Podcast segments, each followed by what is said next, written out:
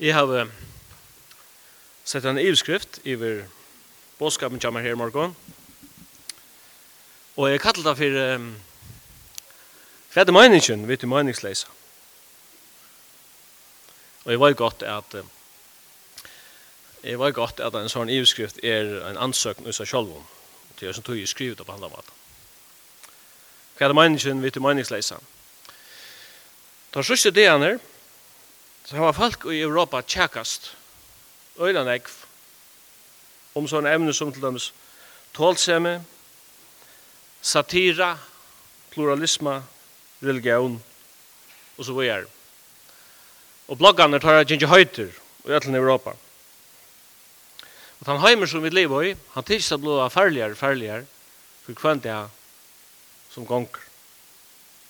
Folk større fyrir fyrir krutjen, at land brester saman, og det er det som om den største vanten, eller den største øttanen, han ligger i ivigengen.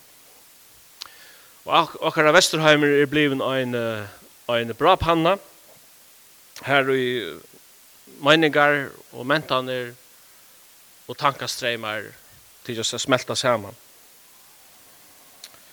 Og filosofisk så er det så løs det at allar hugssjøner tidsja seg å være velkomnar og spennande å diskutera utan til som bytjer av absolutt virer. Jeg sier seg at omboa absolutan samlaga til er politiskt okorrekt. Det som er kjenner et postmoderna samfunn som lever i det, det er til at vi blir en parster av en njøtingar og en underhalsmentan til det som er tidskjå opp. Det haksta man kan oppnå er hona seg ha det godt, opplevingarna er telja. Spurningarna som kvean i kom i er, hvor er jeg, hvor er jeg her, og hver ferie, vi er ofta fortrongtur av råpen og nom, leta stua til skudd. Einar for så var C.S. Lewis spurter om uh, han valgte å gjøre en kristen tog til at gjør han lukkelig. Så sier C.S. Lewis, nei, sier han. Jeg har ikke bruk for noen trygg for jeg blod og glaver.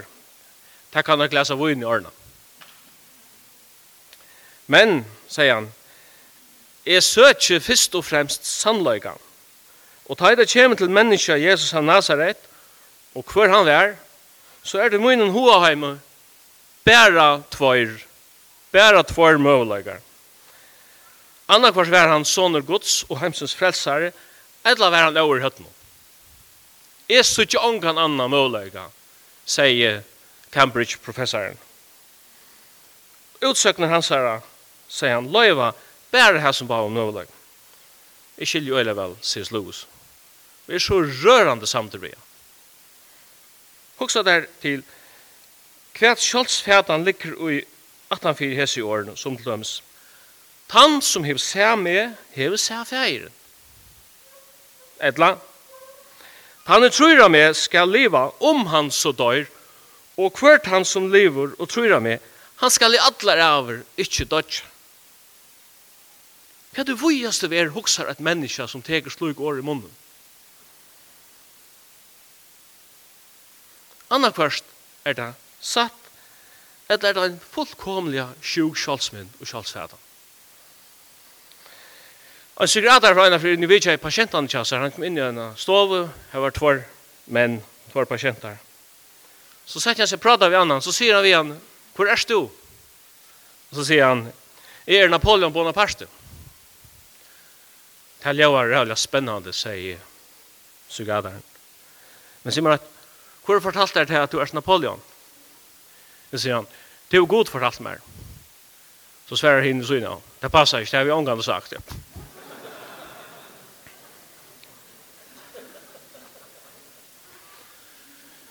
Sjálfur halde er at manna atten, alt som hon er, og det er løyra hon er sjukare kjølsfætan.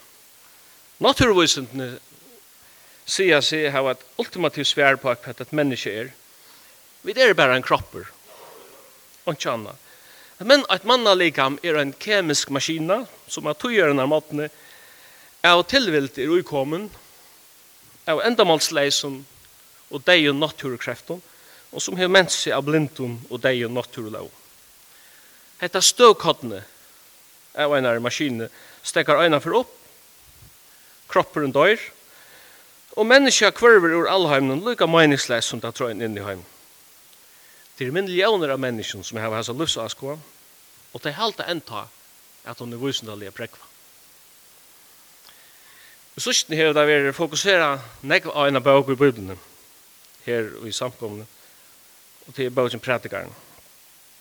Det var ofta sagt at man blir nesten deprimeret av å lese prædikaren. Jødene tar hava heldig på at Salomon skriver i Hasangen i ungdomen, han skriver i åratøysene i manndomen, og han skriver i prædikaren i alderdomen. Da jeg var ble unger, da leser jeg ofte i prædikaren. Og det var ikke tog til Allah til min natur. Men alt det var vel kjent, og jeg trakte ikke meg selv som en som hører et tungt sinn. Så jeg var ikke noen kandidat, kandidat til å fettle for prædikaren. Men Det var nekka i bøtjen som, som provokerer fram en djupoksa, og det tiltaler meg, det tiltaler meg djupt. Og i støven i bøtjen så tidsis det mer som er at høvendren han, han spiller vi hendan tanka, at han kopplar god fra, om så man sier. Og han røyner at formulera en existentialisme, en tilverløsning av det som henter under sølene, vi at velja god fra.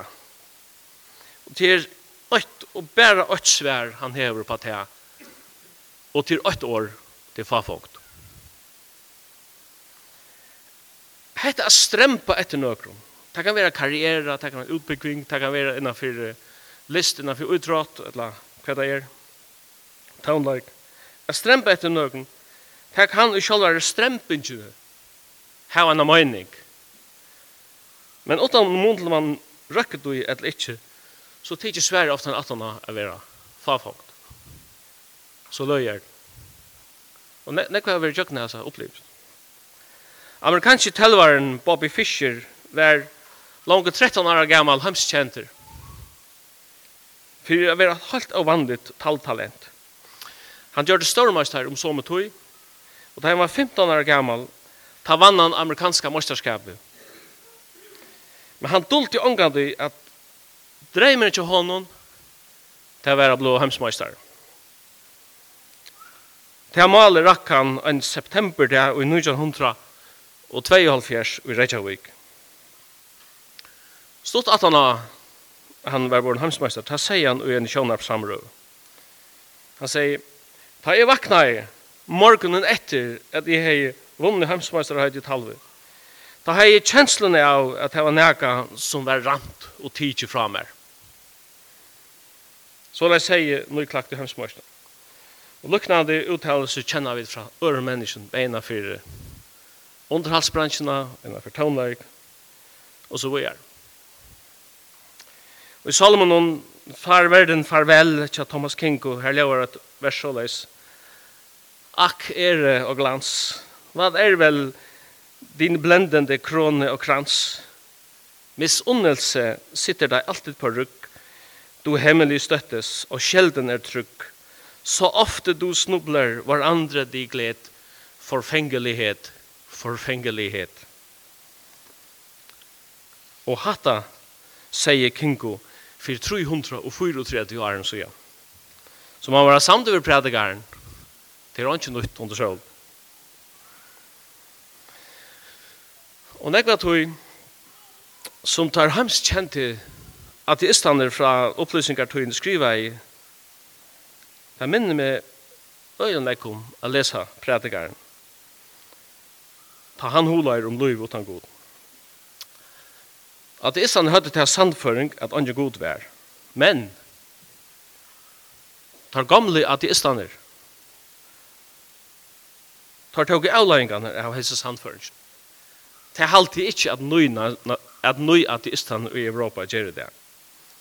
Du vil si at jeg har hatt av sympati for de gamle ateistene. Du er alltid at jeg har oss alt være ærligere. Nietzsche, som er opphavet til årene gode deier, han sier med landa, Tankar er skukkar av okkar kjenslun, tar gjerast myrskar og djupar. Han sier òsne, luiv i luing, at iveliva er a røyna finna mening og luingen. Og Voltaire sier, optimisma er ørskaperen at halda at alt er leie, ta i vid er ulukkelig. Hese godleisingarnir taka utgangsstøy i premissen om det finnes ungen god, men tja predikaren er loivi utan god og et, et tankaeksperiment, og en hypotesa. Han spelar vi så med tankar som tykkast verleidje kjenner ikke Voltaire og Øren, og ta koma til så med nystøy. Predikaren provokerar enda så nekv at han sier at det er bedre affære i syrkehus enn affære i ball.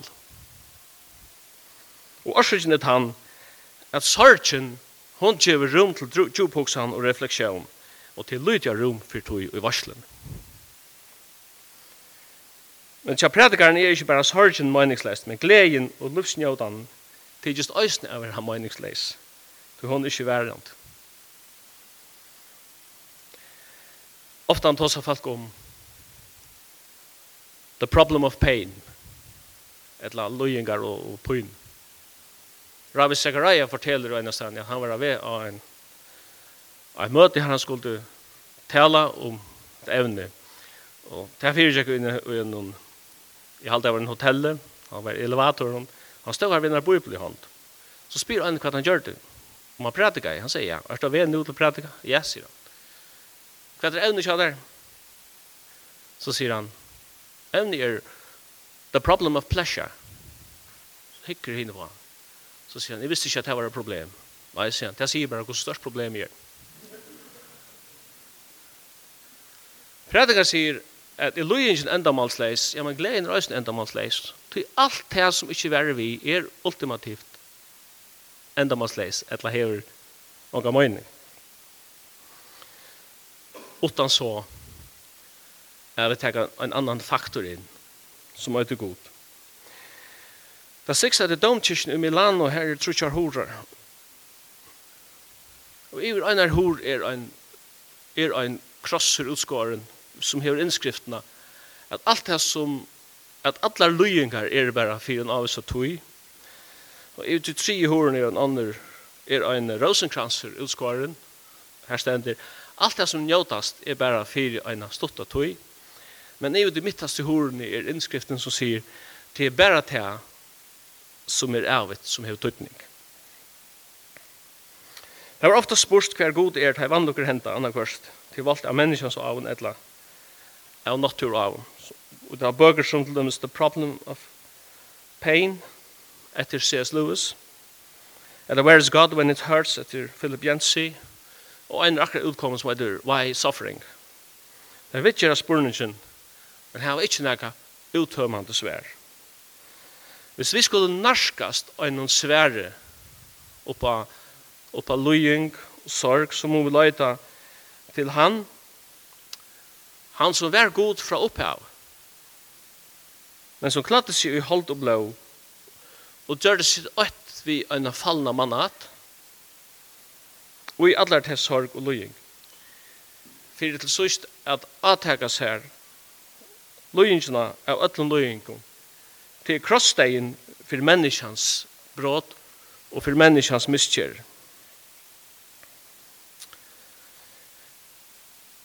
Og i sørste kapitlet i prædikaren her er et, et et her har prædikaren sleppt tankaeksperiment noen. Da han avmarskar seg til det som hender under søvlen. Og her, ut det søgneste kapitlet, her legger han hardt og kontant ut. Og han sier så leis, Hoksa om skaparatøyen av ungdomsdøven, Arne hinner andre det er koma, og Arne narskas, som du får si om, til lykka merk. Og så kommer det lykka som et beskrivelse av livskvelden.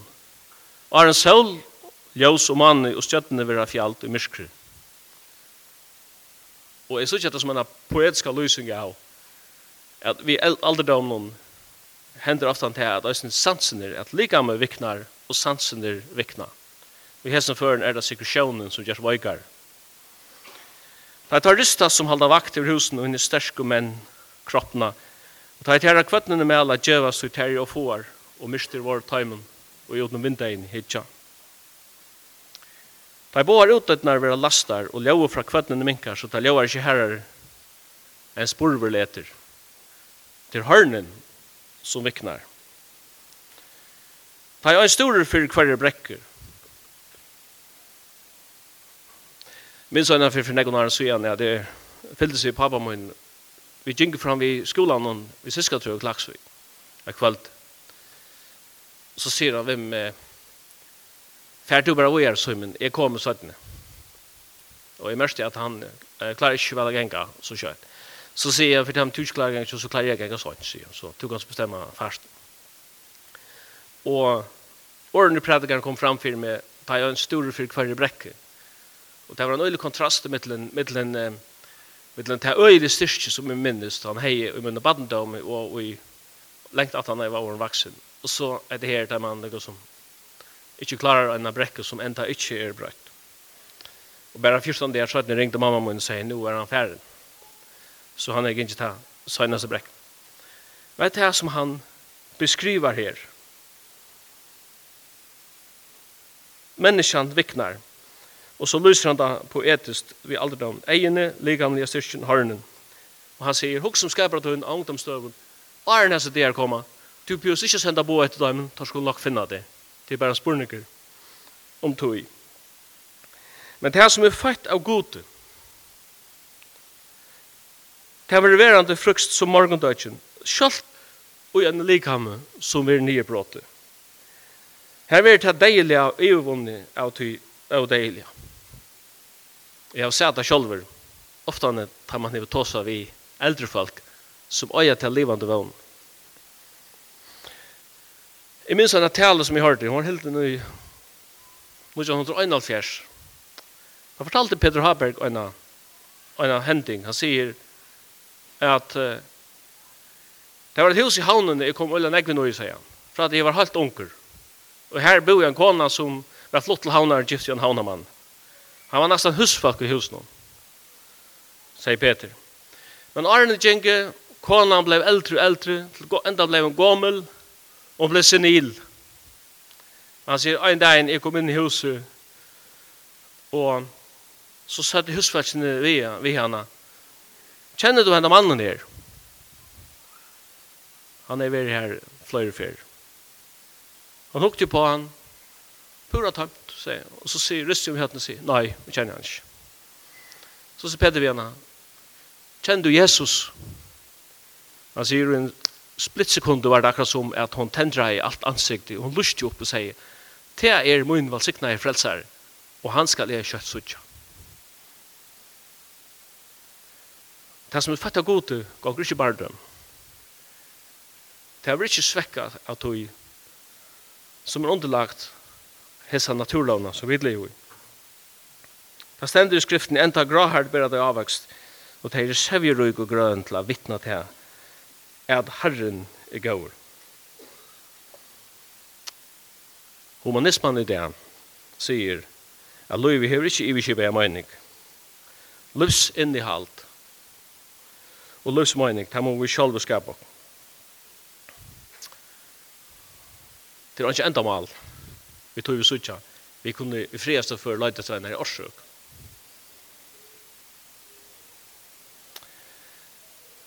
Vi så også der til at um, løkreglan arbeidde vi en mali om en eldsbrona til dømes. Fyrsta spurning til å skjeta, hva er årsøk? Hvis en hus i brendegrunn, så spyr man, hva er årsøk til det? Man får ikke spyrja enda mali her. Og allugavel. Det er ikke andre pakk hva årsøk var. Hvis årsøk var en grøyta som er glemt, eller skamlåp, ja, men så er det det, liv. Men hvis en person er tidsel avhøringar og han sett elda, så er det ganske relevant å spørre hva var enda mal. Og da var jeg hevna sine øyeren, eller at det var øyeren selv som ville snuta trykkingene, eller at det var en pyromaner som bare ville njøda løtene. Hva er det enda mal vi? Og så lest skulle vi eisen hitje til tilvirende. der. Er det et endamal vi tenker noen? Det kan det bare være, det er en vitan og en vilje at han fyrer, det som hender. Og jeg vil si at jeg her sørst, at støen i Europa i det, hon er meinløyk, hon er meinløyk, ta med og så var i Aten, ta av Paulus vidja i Aten, som vi leser om i Apostelsøvn, kapittel 6. Han, var, han kom og tjekkais vi filosofene i byen. Han tjekkais vi, sannsynligvis vi epikurarnar som tror jo på at tingene henta bara, og det er bara tilvillen som styrer du, og tog er, tog er det frieste vi kan få på sjur, til å få det optimale av njødan på sjur løyvn, det vi er henne tog, og så er vi vekk. Så er det man få det på sjur. Og Vesterheim, det er i så måte epikurusker. Hinveien, så var det ståkarner, som tror at det var en, en hakre, et hakre og evigkipa endamal vi løyvn. Så tar vi over vilka som kontrastar.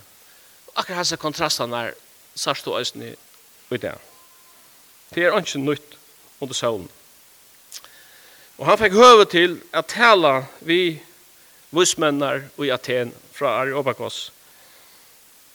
Og han tås her, vi tar om hese tingene.